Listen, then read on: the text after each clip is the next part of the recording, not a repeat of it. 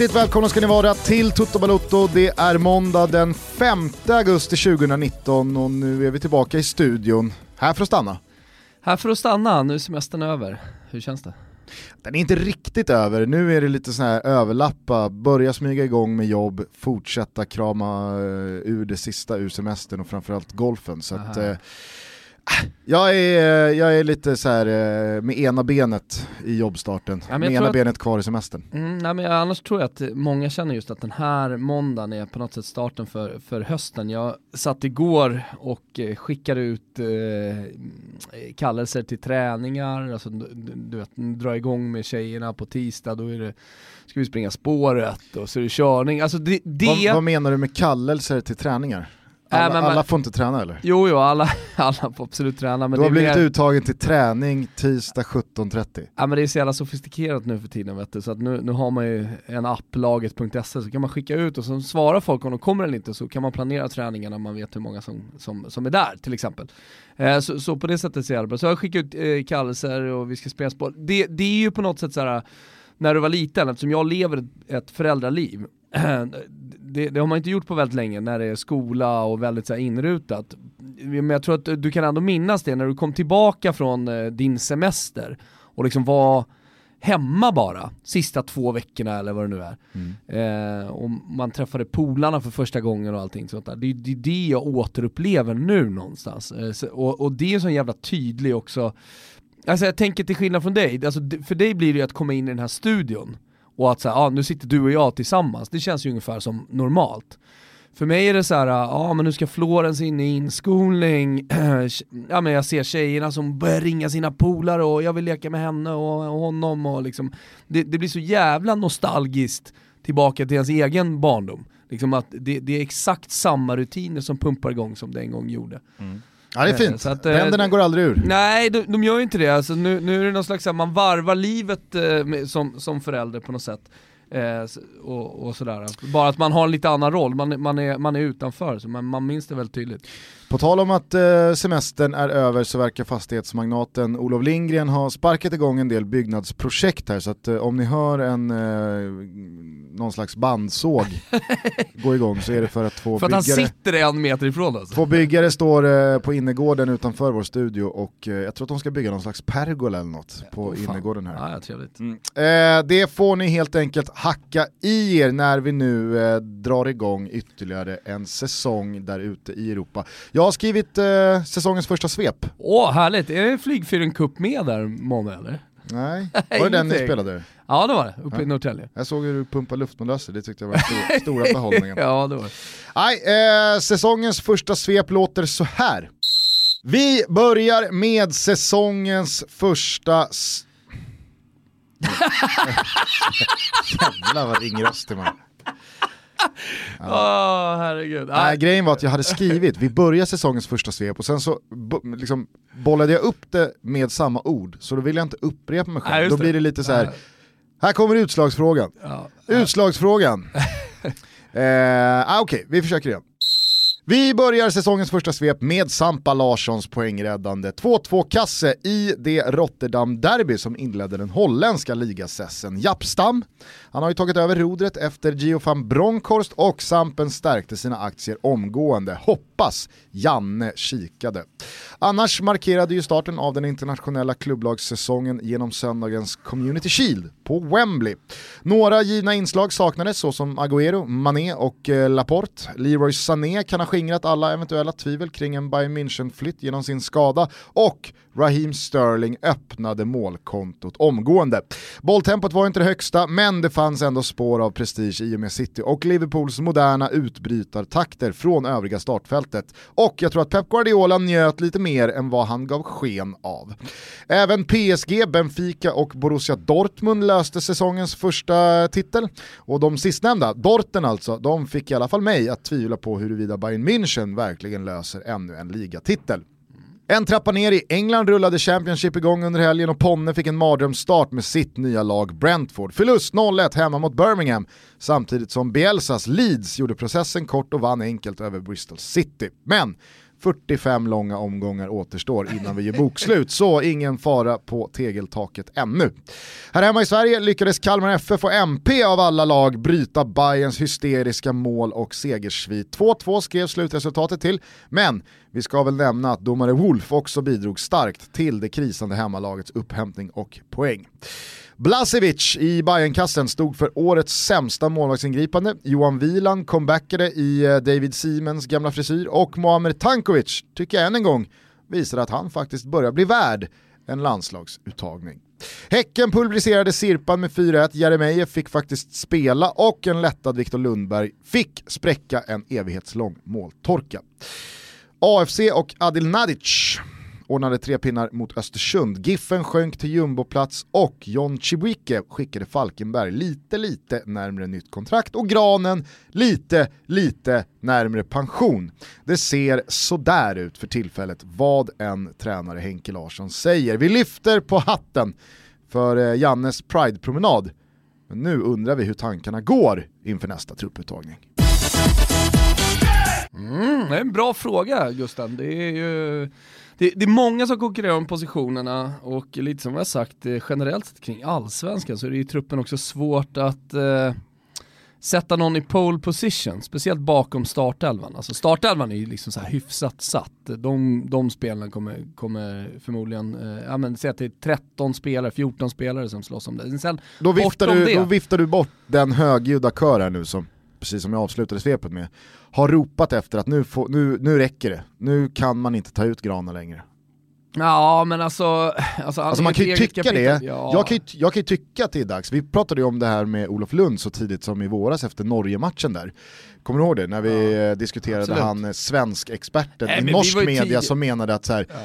jag tror inte att Jan Andersson kommer att avsluta det här kvalet med ryggraden Marcus Berg, eh, Sebastian Larsson och Nej. Andreas Granqvist. Eh, det var ju vi och Olof ganska skeptiska till. Kanske att någon försvinner, typ Marcus Berg, beroende på vad som ja. hade hänt under sommaren och så. Nej, men skeptiska till just för, eh, alltså inte, inte själva, vi var ju rätt tidiga, ty, tidiga med att tycka att Granen skulle lagt av efter VM. Ja, ja, herregud. Alltså det var ju så perfekt, det sa vi direkt, hur fan kan han fortsätta? Det här var ju det perfekta slutet och så vidare. Och, så vidare. Eh, och nu har det gått så jävla långt så att nu är, en samstämmig svensk supporterkör Eh, ja, men de, de, de sjunger ut att eh, han är helt enkelt för dålig, vilket han är såklart. Alltså, du, ser, du ser ju på honom, han har blivit sämre och sämre och framförallt fysiskt tycker jag att liksom bara uppenbarelsen av honom är ganska tydlig, att han inte ska spela i ett svenskt, svenskt landslag när det finns så mycket kvalitet och klass på den positionen. Mm. Jag eh, hade ju problem med... Då, då har vi kommit dit där vi sa för ett år sedan skulle jag bara säga. Då har vi kommit dit att det börjar bli så fan, fan vad onödigt det var. Ja verkligen. Nej men eh, jag hade ju verkligen problem när han inför det här kalenderåret sa att 2020 blir ja. mitt sista landslagsår. Ja. Då återstår alltså hela 2019 och EM-kvalet. Det är ju hans sätt att säga att tar vi oss till EM, ja. då, ska jag också, då ska jag också spela EM. Vilket blir, alltså så här, även fast vi tar oss till EM med Andreas Granqvist, så tycker inte jag att han, han har eh, mandat och kingat den platsen i mittförsvaret ett halv, ytterligare ett halvår senare. Nej, och där tycker jag Janne måste visa lite eh, Det är en knepig situation. Liksom. Ja men lite potens och, och, och vara tydlig med honom, att han inte håller med. Ja men lite kraft liksom och potens, lite ståkuk och allt. Han har ju stått i Pride-tåget. Kolla här då Gran. Ja, eh, här har du potens och du sjunger om det. Eh, eh hur som helst, eh, jag tycker också att han står i vägen. Alltså han, han gör landslaget en otjänst så länge han, han gör sig tillgänglig. För, eh, för jag tror i alla fall Janne fram till nu har känt att ja men så länge Granen vill så är han med, alltså han är min lagkapten och allt det där. Och då, då stänger han liksom dörren, dels för någon annan att ta över, han stänger dörren för en generationsväxling som är nödvändig på den positionen. Mm. Det, det, det tycker jag verkligen. Ja, och förutsätter vi, att, jävla självinsikt. förutsätter vi att Sverige tar sig till EM så är det ju då, som jag är inne på, ett halvår från att kvalet är avslutat, ett drygt halvår, mm. till dess att det är dags för slutspel.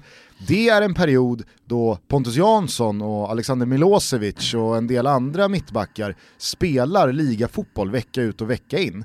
Medan Granen har sju veckors semester med Helsingborg, mm. sen är det lite träningsmatcher, La Manga, lite kuppspel, inomhushallar.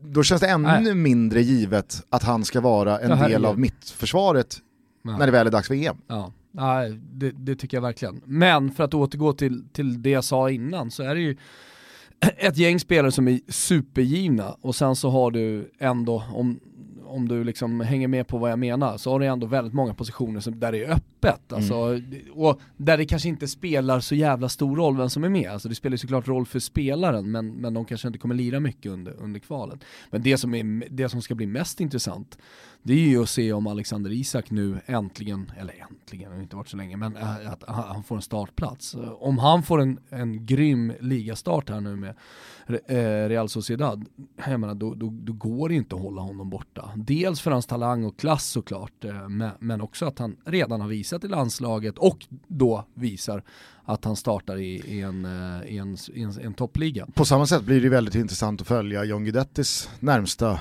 framtid här. I och med, jag har förstått enligt eh, Pavlidis fantastiska headlines som är tillbaka, jag tycker man ska läsa ja. varje morgon på Fotbollskanalen, eh, att Alaves vill bli av med John Guidetti, han sitter på en av eh, Alaves högsta löner. Eh, han... Fan vad bra han gör det ändå. JG alltså. Ja, pengamässigt Sitter ja. på Alaves, högsta löner. Ja. ja. Nej men det gör det. Och nummer 10 va? Ja. ja. Eh, nej men vart, vart, han ska ta vägen. Ja. Nu, nu står han ju, vad, vad som måste vara det sista tunga klubbvalet, om det nu inte vänder för honom, eller fattar vad jag menar? Ja men det blir väl Montpellier, jag såg att Robin Olsen var på väg dit, alltså, alltså det blir ett franskt bottenlag. Det? Ja, men det, det, borde skrivas en bok om, om uh, de uh, svenska Att bli utlånad till ett bottenlag i Frankrike, det måste, alltså då är det ju roligare att vända hem. Det, det, det, det, har ju blivit en del spelare nu som ändå har gjort eh, det franska kapitlet och, och varit där. Så har vi Kim Källström såklart i toppen någonstans som hela tiden startade för ett Lyon som ja, men var så bra ändå i, i Champions League under, 20, äh, under 00-talet.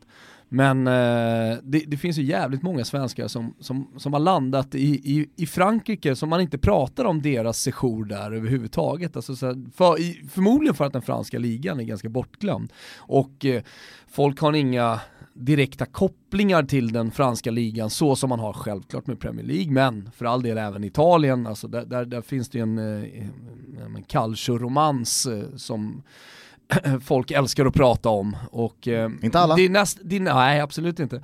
Men, men det är nästan så att liksom, spelare blir lite legendariska. Så när Klas Ingesson var i Bari, men vad är det för skillnad då att vara i Toulouse som Jimmy Durmaz? Ja, men det finns inte riktigt samma romantik som man gillar att, att prata om med, med svenskar i den franska ligan. Men det är ändå jävligt många!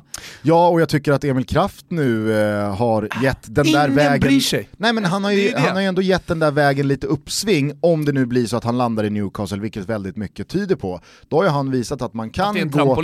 Han kan gå från eh, bänken och boxen i eh, ett italienskt bottenlag, mm. bli utlånad till ett bottenlag i Frankrike, göra en bra säsong och sen så hamnar man i Premier League påminner om att han blev, eh, han blev alltså åsidosatt, han var satt på bänken för att konkurrensen var för hård. Och vem var då konkurrensen? Det var ju Torresidis. Jajamensan. Världens bästa ytterback. Ja, man såg, jag tror att alla supportrar i Bologna också såg att så här, fan, ja, men svensken han verkar tuff. Och sen så var det ändå Torresidis som startade varje match. Mm. Han är tillbaka i Olympiakos nu. Alltså, ja, ja väntat. Lyckönskningar från Toto Balotto måste man ju säga. Nej, men det blir en oerhört intressant trupputtagning. Dessutom så är ju eh, Viktor Claesson kanske den första spelaren Jan Andersson krita ner i alla fall eh, mittfältet och framåt i startelvan senaste året. Mm. Han är ju långtidsskadad, jag var inne på det i svepet. Sam Larsson har ju dansat på den där trupplinjen i två år nu, ja. sen Janne tillträdde i princip. Och så har det kommit någon skada precis fel läge och ibland så har han faktiskt gått in och gjort någonting bra. Eh, men, men det, ja, det, han, han har en märklig landslagshistoria än så länge. Exakt, samtidigt som att när Janne tillträdde, då stod ju Jimmy Durmas betydligt högre i så. kurs eh, än vad han gör idag. Mm. Så jag kan tänka mig att Sam Larsson ändå sitter ganska bra på det. Eh, nu eh, har väl Viktor Claesson om något cementerat sin plats som kugge i Jannes gäng mycket på grund av sina defensiva egenskaper. Mm. Kanske inte Sampas eh, liksom, adelsmärke. Mm. Men eh, jag tycker att det, det, blir en oerhört intressant eh, trupputtagning. Jag nämner ju Tankovic här också. Eh, det är ju en detalj som just i den här uttagningen, alltså tidigt in på ligasäsongen, eh, hur bra form är man i? Vilket slag har man inlett med? Fysiskt, är man redo för att eh, åka iväg och, och, direkt spela två landskamper och så vidare. Således blir... så har ju de allsvenska spelarna lite edge. Ja men det blir ju så, alltså, ta Ken Sema till exempel, om han inte spelar från start, då är det såklart att Tankovic på något sätt ändå kanske kan gå om. Mm. Ja, och det är väldigt många djurgårdare framförallt, men även människor som följer Allsvenskan som också har höjt en röst på tal om det, mittbackar och Andreas Granqvists mm. eh, dippande form, att Marcus Danielsson i Djurgården men han är ju mycket bättre, han är ju mycket bättre. Och det finns andra mittbackar som är mycket bättre än Granqvist också. Och hur, hur högt ska man då värdera ledaregenskaper? Eh, tryggheten när landslaget kommer och liksom granen finns där och, och, på något sätt, jag tror inte han är så jävla mycket pappa i omklädningsrummet. Det finns många ledare, Albin Ekdal, Ponne nämnde du, men, men Sebastian Larsson, det finns många andra så, såklart som kan, som kan ta den fanan. Men, men ändå, hur högt värderar man en, en eh, ledare som Andreas Granqvists eh, närvaro? Jag tycker, jag, jag tycker att i ett erfaret landslag som ändå det, det, svenska är just nu så, så måste man gå på kvalitet och jag hoppas verkligen att eh, Janne Andersson sätter ner foten.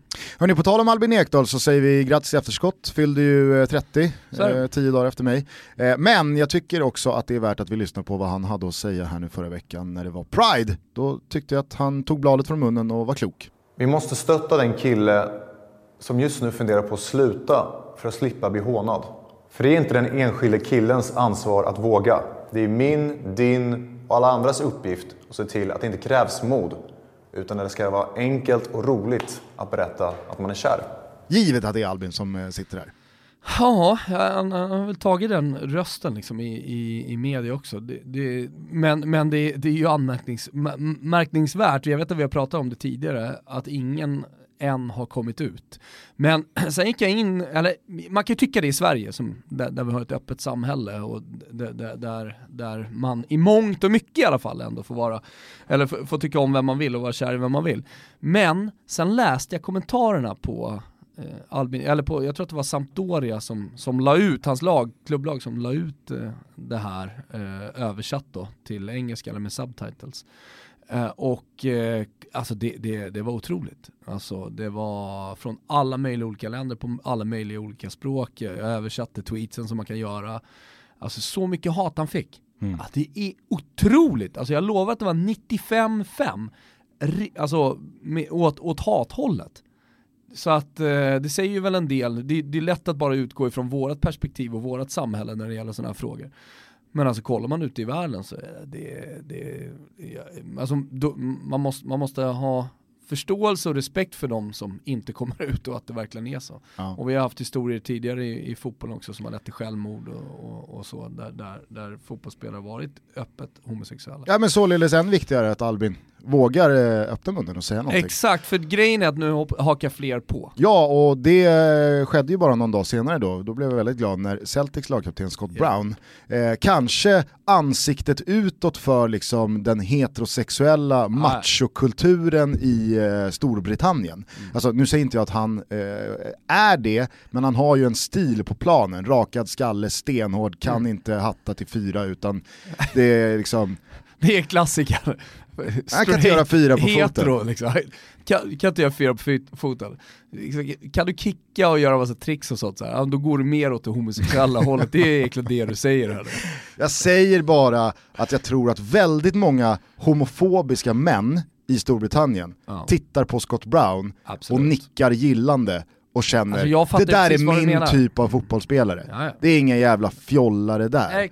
Eh, och att han då kliver ut med, han tror jag till och med hade regnbågsflaggan målad eh, på kinderna ja. och sa att han eh, hade älskat eh, ifall eh, någon lagkompis till honom eller någon spelare i ligan kom ut och, och, och bröt den här väldigt eh, dystra Ja men med tanke på hur så långa processer där är, alltså för att folk för att folk verkligen ska ta in det så krävs det ju väldigt mycket innan det ska bli accepterat. Det är det man någonstans förstår när man läser alla de här kommentarerna och sånt där. Och desto viktigare då att det, att det faktiskt händer. Mm. Bra Albin, bra Scott Brown. Vi ger väl en liten schnitzel till dem? Absolut, de får veckans schnitzel. Annars så var det ju här, eh, som jag skrev i eh, svepet, eh, helgen där den internationella säsongen mer eller mindre puttrade igång. Premier League startade ju till helgen och sen så rullade det på, framförallt borta hos Strive. Ja. Det är La Liga och Serie A helgerna efter varandra. Ja, vi har ju pratat om det här nu med Alexander Isaks start, det är väl kanske det man ser fram emot mest som svensk. Jag tror så här brett om jag nu talar för, för stugorna så att säga så, så vill man ju se Alexander Isaks eh, säsongsinledning och han beskrivs ju i de baskiska tidningarna som en, en diamant liksom. Eh, som, en, som en spelare som redan i den första omgången har förväntningar på sig att, att leda offensiven för Larreal. Eh, och så tänker man på att han är född 1999 och att han har fortfarande mycket att uträtta. Men kolla historiskt liksom på, på svenska anfallare.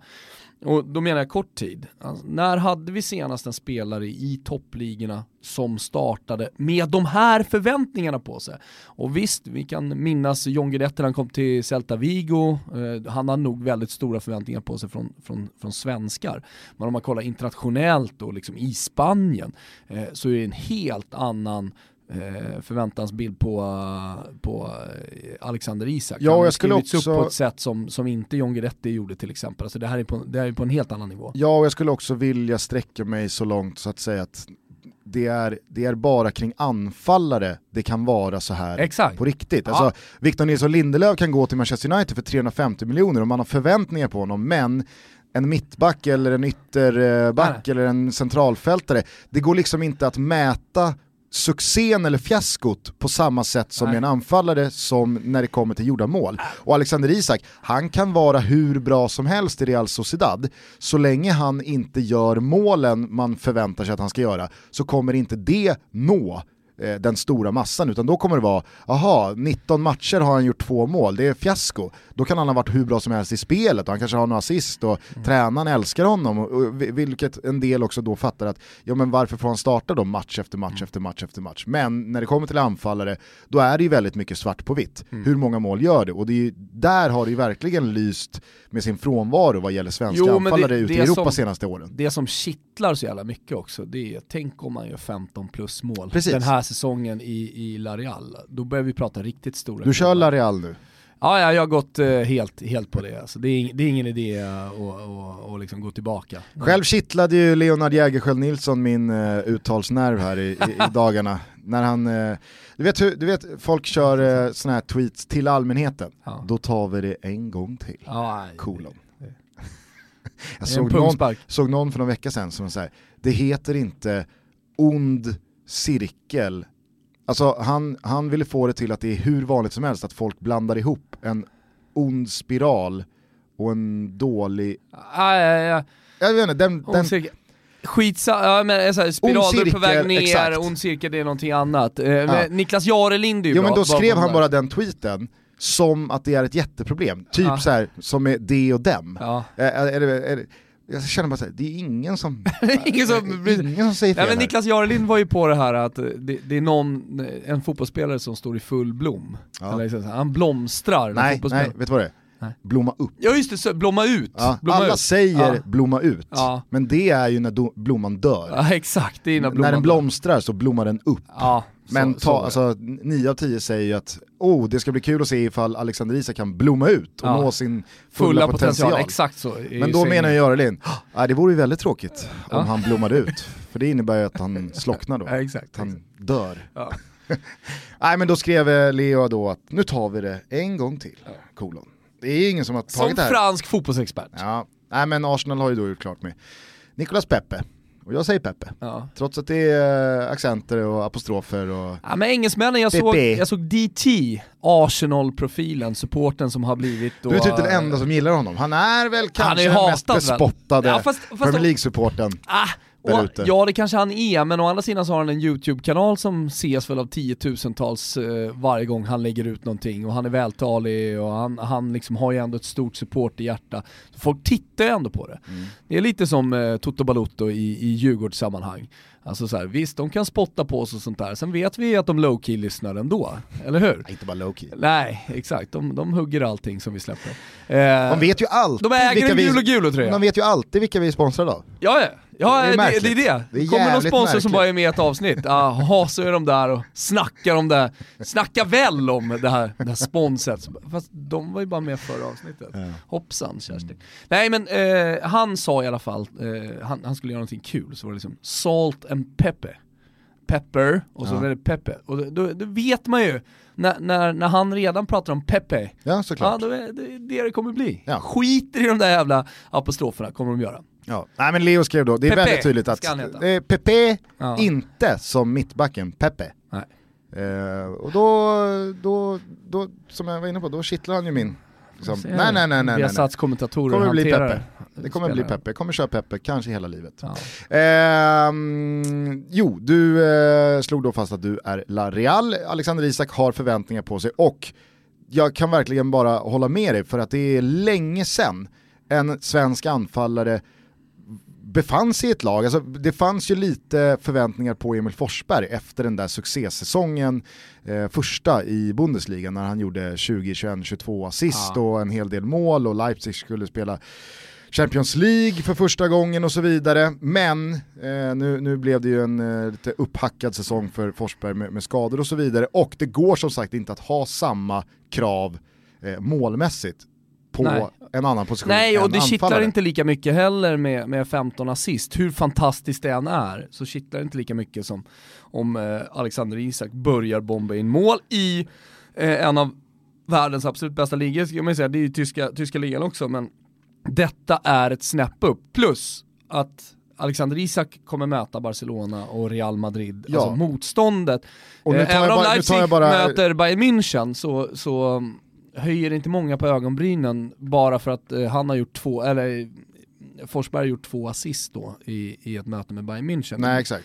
Det blir, blir en rubrik såklart, eh, det skrivs om, men inte på samma sätt som om Alexander Isak gör mål mot eh, Barcelona eller Nej. Real, Real Nej men nu går jag bara lite på, på uppstuds här. Som John Guidetti för övrigt har gjort det på. När eh, Samuel Armenteros eh, går till, eh, var det Frosinone eller var det Crotone eller vilka var han hamnade i i Italien?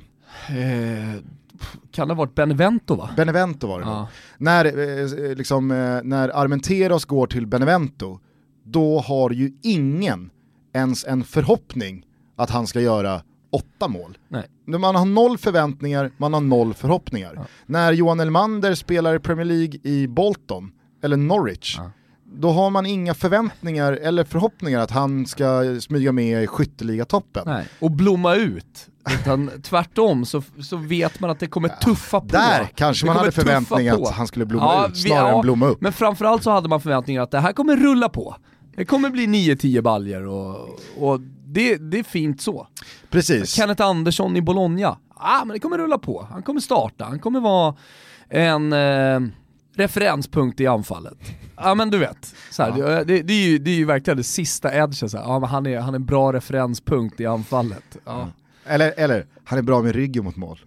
Exakt, exakt. Okay. Eller, eller som jag skrev krönika om, alltså, den underskattade spelaren som är bra på att försvara i straffområdet felvänd. Mm. Alltså vilken jävla egenskap det är att ha som fotbollsspelare. Det är ingenting som liksom Ballon d'Or-juryn kollar på. Här har vi världens bästa fotbollsspelare att försvara felvänd i straffområdet. Men fan det är underskattat ändå! Eller som Peter Precis Wett som att vara en referenspunkt alltså, det är fan underskattat också. Peter Wettergren menar ju att uh, Totte Nyman i Peking, ja. det är den bästa anfallaren han har jobbat med. Bara för att han, han är så jävla bra i försvarsspelet. Ja. Hans första press. Ja. första press, där har du liksom nyckelordet. Det är ingen som bryr sig, men jag förstår ändå att Peter Wettergren bryr sig. Titta på, titta på mittbackarna i slutet av matcher som, som har mött Totte. De är helt slut. Och det är för att han, han Nej, nu tappade jag min inre Wettergren. jag hade honom i början kände jag. Sen, ja, tyckte jag sen försvann han mer och mer. Nej men han menar ju att så här, kolla på den detaljen kring Kristoffer Nyman, att äh, mittbackarna som har haft med honom att göra i 85 minuter oftast ser helt färdiga ut. Och då är ju inte mittbackar sådär varje gång helt slut i slutet av fotbollsmatcher.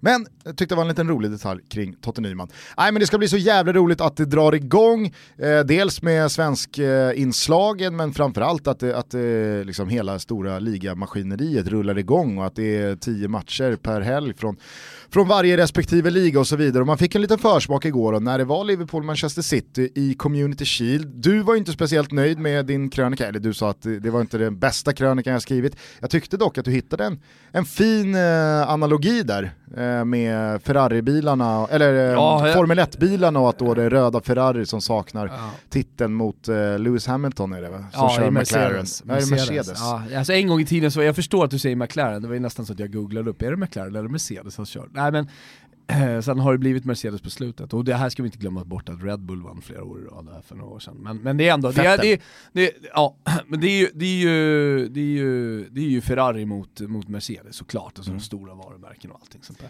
Ja nej, men jag tyckte det var en eh, bra och adekvat liknelse, för att som jag också var inne på i svepet där, så är det ju verkligen Liverpool och Manchester City som har distanserat sig från mm. övriga i startfältet när man nu går in i säsongen 1920. Jag menar, man behöver inte backa mer än tre säsonger så kändes det lite hugget som stucket bland fyra, fem, kanske sex lag till och med. Eh, vilka som skulle sluta topp tre. Men eh, nu så är det ju det, det är ganska ordentliga oddsskillnader mm. på Liverpool-Manchester City jämfört med de andra topplagen. Ja, med all rätt. Eh, det ska ju vara så. Alltså, dels har ju de fått också kontinuitet liksom, i tränare och så, det kan man ju hävda att Tottenham har också, men de har inte samma klass på truppen. De, de, de kan vara med i en toppstrid ett tag, men de kommer aldrig liksom, räcka hela vägen fram. Det Nej, lite som i fjol. Lite som i fjol. Det, det, man räknar ju bort... förmodligen upprepa sig. Sen har de ändå gjort en bra sommar, det, det ska sägas. Kanske kan de göra det ännu bättre, men jag tror inte att det räcker hela vägen fram. Nej. Och så finns Leicester där, så, börjar, så fort man säger sådana här saker så börjar man tänka på Leicester. Ja, men skitsamma. Jag, jag, tror, jag tror att det är omöjligt för, no, för något av lagen att den här säsongen ta upp jakten. Det, alltså man, man, man, måste göra, en, tror jag i alla fall, en annan typ av tränarsatsning. Alltså jag tror United är körda, alltså Ole Gunnar Solskär, alla är nog med. Eh, till och med våra norrmän som lyssnar att han inte kommer att vinna någon ligatitel eh, i Premier League, kanske någonsin, men framförallt definitivt inte eh, säsongen 1920. Eh, Tottenham som jag nämnde, eh, och sen så har du Arsenal, som vi tror på såklart, eh, med, eller såklart, vi ska säga det, vi tror ju ändå på Arsenal och vi tror att de kommer göra en bättre säsong, men inte tillräckligt för att vara med i den absoluta liksom, titelstriden.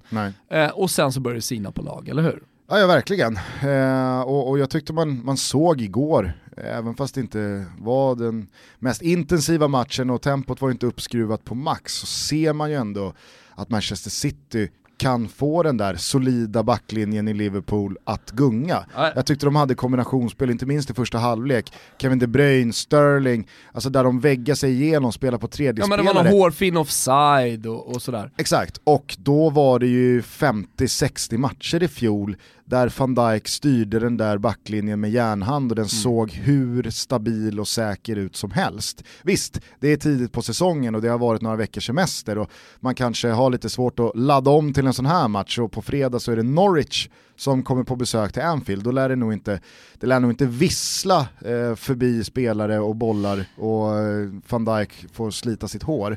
Eh, men jag tycker ändå City visade klassen och det gör man utan Kun Agüero, eh, man blir av med Leroy Sané tidigt i matchen, Riyad Mahrez var inte med, alltså så här, man visar ju att det gäller, om, ja, om, ni vill, om, ni vill, försöka utmana oss om ligatiteln i år igen, då får ni hänga med från start, för att City, City kommer ju gasa. Ja, och, och det man vet med Pep Guardiola är att han alltid förnyar sig. Jag tror att han har legat hela sommaren och grubblat på så hur kan vi skruva på det här ytterligare så vi blir, ja men så vi eh, kanske inte blir ännu bättre. Men märkte men man inte däremot, den lilla detaljen i Rodri? Ja, kanske. Men det jag skulle säga är så att man överraskar, man, det finns ett överraskningsmoment ja. i City, för annars så blir det ju lätt så med nästa lag. Att de, ja, fortsätter med tyngden och på grund av att spelarna är så exceptionellt bra individuellt och att mm. det finns ett grundspel.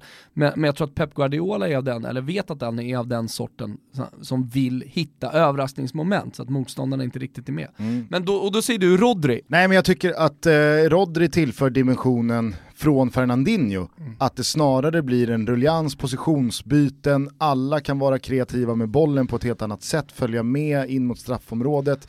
Fernandinho var ju best in the business på sin grej, men jag tror att lag som försvarade mot Manchester City visste att okej, okay, Fernandinho kan vi släppa i ett ganska tidigt skede av anfallsuppbyggnaden.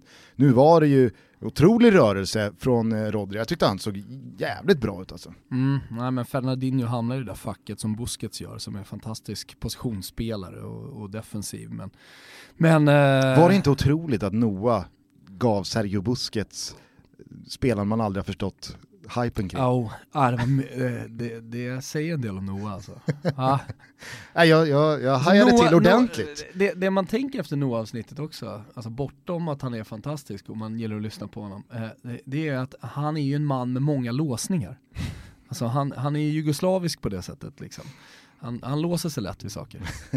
och så har han svårt liksom att, att, att, komma ifrån låsningarna, svårt att hitta nyckeln. Nej men så här, om något så brukar väl alltid Sergio Busquets få Ja, visst, han spelar i Barca, han har vunnit hur mycket som helst och alla nämner honom allt som världsklass, men han är fan ändå underskattad. Ja, exakt. Det är det man brukar få.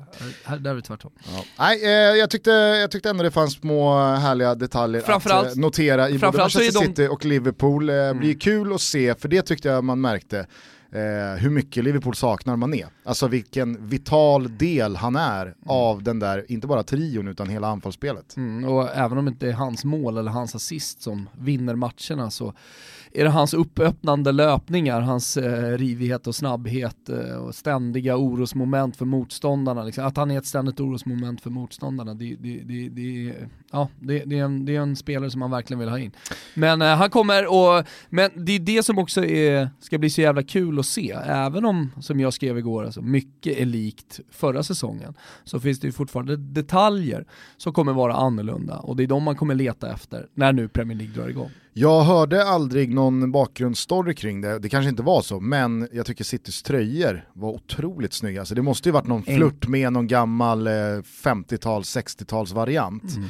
Ja men det är eh. enkelheten såklart som man gillar och det, det, du, du är inne på det nostalgiska här, att tröjorna en gång i tiden såg ut sådär, det var liksom inget men, men, det kändes nästan som att de spelade i, i ett material som var lite för tjockt. Exakt. Alltså är du med? Det, det, det alltså innan, inte så bra. Nej, innan man kom på att det är jävla trevligt med an, eh, att tröjor ska andas. Funktionsmaterial heter det. Innan funktionsmaterialet kom in. Och du vet ju vilken Rolls Royce av alla funktionsmaterial är. Och nu pratar jag inte bara om fotboll utan det är generellt sett funktionsmaterial. Ja, det måste ju vara vad heter det, Synt, nej inte syntetik. Nej, nej, nej, det är ju Gore-Tex Gusten. Alltså det, det, det, är ju dessutom eh, skyddat eh, hos patentverken liksom, runt om i världen. Men vilk, vad, är det, vad är det jag tänker på för material då? Alltså, polyester? Poly, nej, inte polyester. Alltså såhär tränings-t-shirts, matchtröjor. Alltså, de är gjorda i, i någon slags jävla polyester, okay, ja, tror jag. Kanske det och, men sen så finns det ju en massa olika varianter. Clima Cool på Adidas till exempel är ju mm. en. Ja, nej men jag skulle bara säga det att eh, jag, jag, tycker att Manchester Citys eh, tröja skulle lyftas lite extra i och med att det var Puma. Puma har haft det jobbigt senaste åren, ja. tycker jag i alla fall. Ja. Alltså, alltså det... Tröjmodeller har de inte riktigt fått till. De har ju inte hittat en tröja som verkligen har hyllats. De försökte ju i slutet på 90-talet med eh, att göra någon slags edge med Kamerun. Mm. När de körde linnen bara. Exakt. Alltså, då, liksom, det linnet var lite populärt. Det var ju under samma tid som man hade, där män hade sådana tajta eh, halsband, ja. hajtand, alltså hela den grejen. Eh, då, då, då, då körde ju Kamerun och alla tyckte det var så jävla ballt. Så fick de ju inte ha det för det afrikanska fotbollsförbundet, så de var ju tvungna att sy på någon Nej, jag tror, att, eh, jag tror att eh, för, för det afrikanska förbundet så gick det bra. Det var ju där, de hade ju det i typ Afrikanska mästerskapet, men de fick inte ha det i VM, Fifa, det var Fifa som...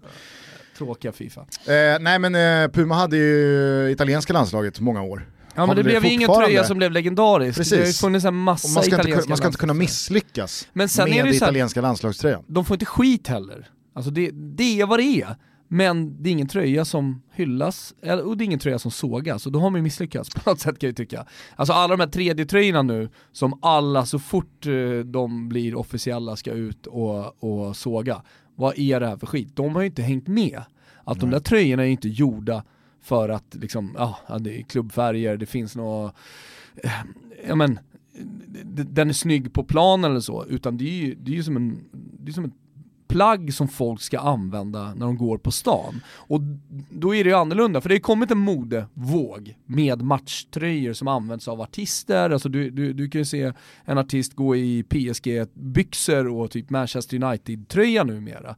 Eh, och det, det, är liksom en trend som är lite på väg och här har ju klubbarna då hakat på med sina 3D-tröjor för att försöka göra någonting trendy.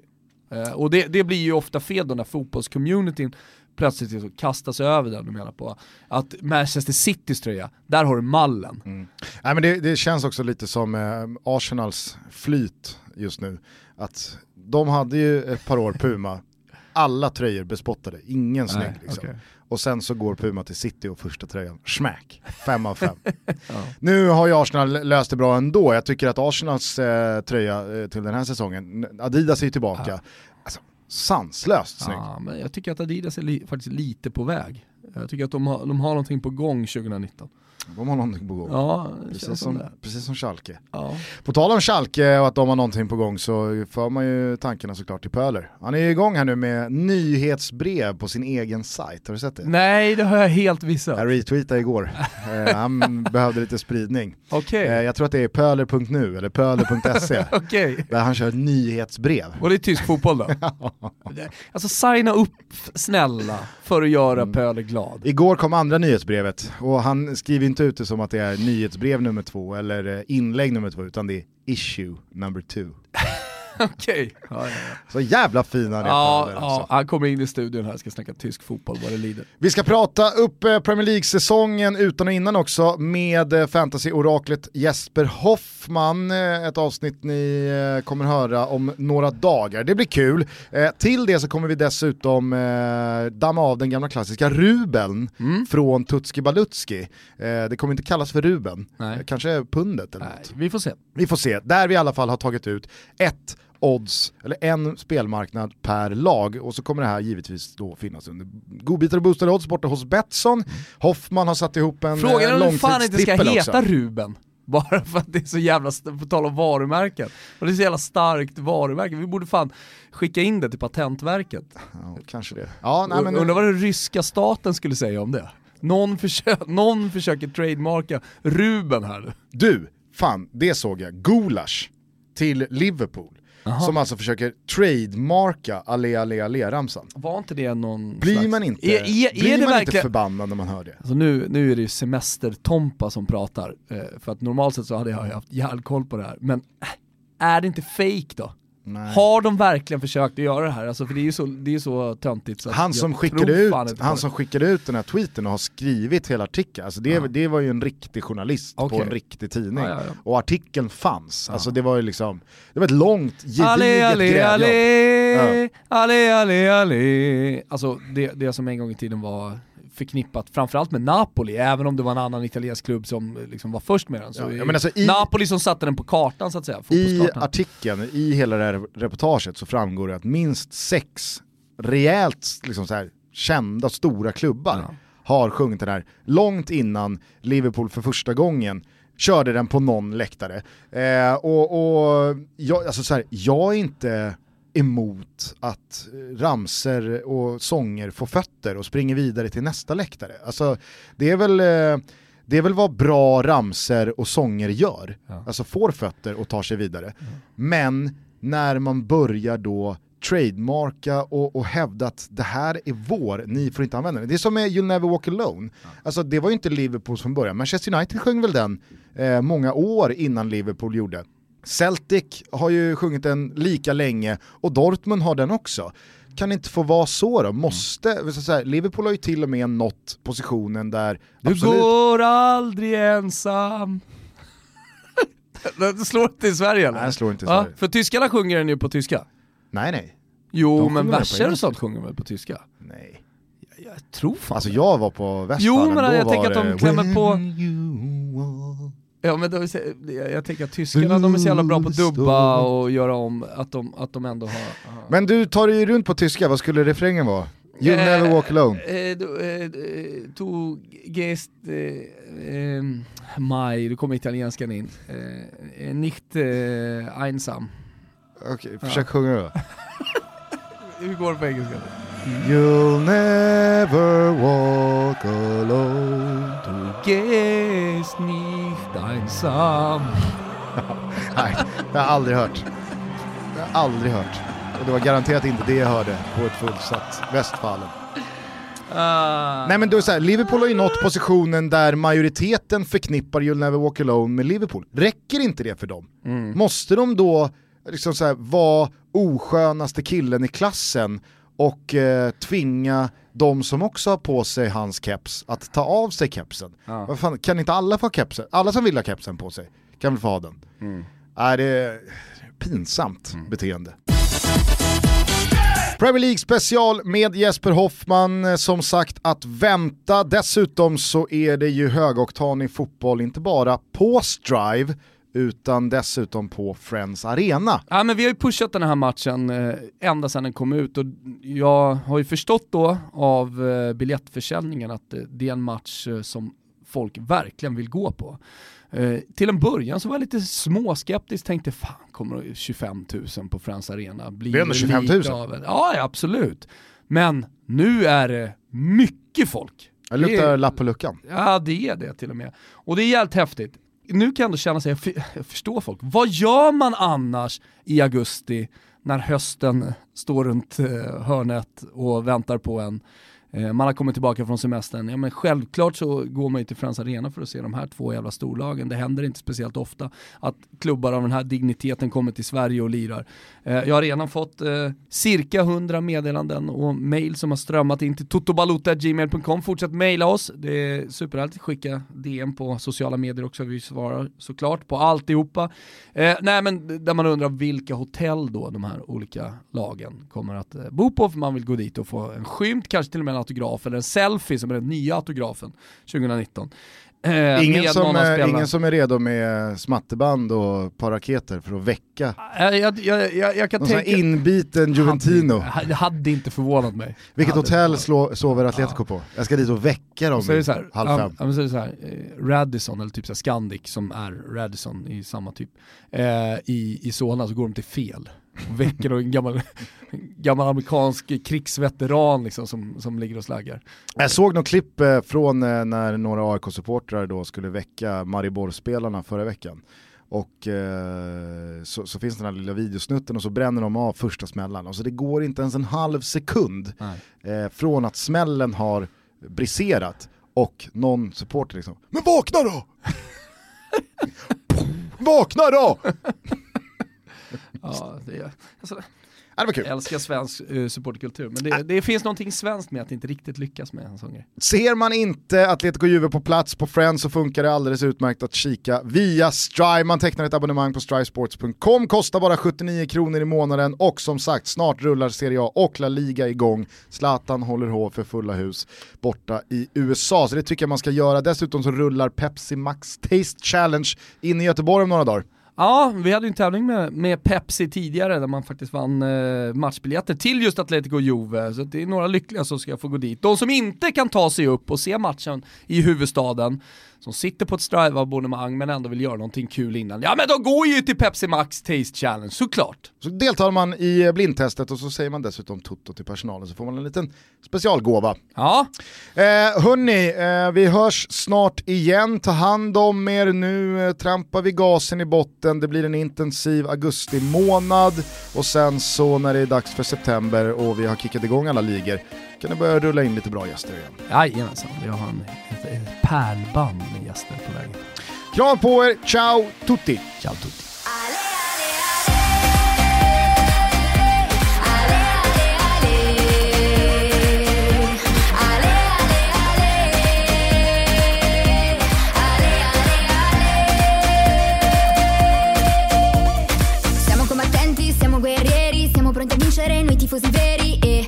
La passione per questa città, l'amore del mondo a che sa, l'amore per la maglia che ci lega, davanti all'avversario mai si piega, come gladiatori non solo calciatori, grandi uomini, undici campioni, mostrate al mondo, dai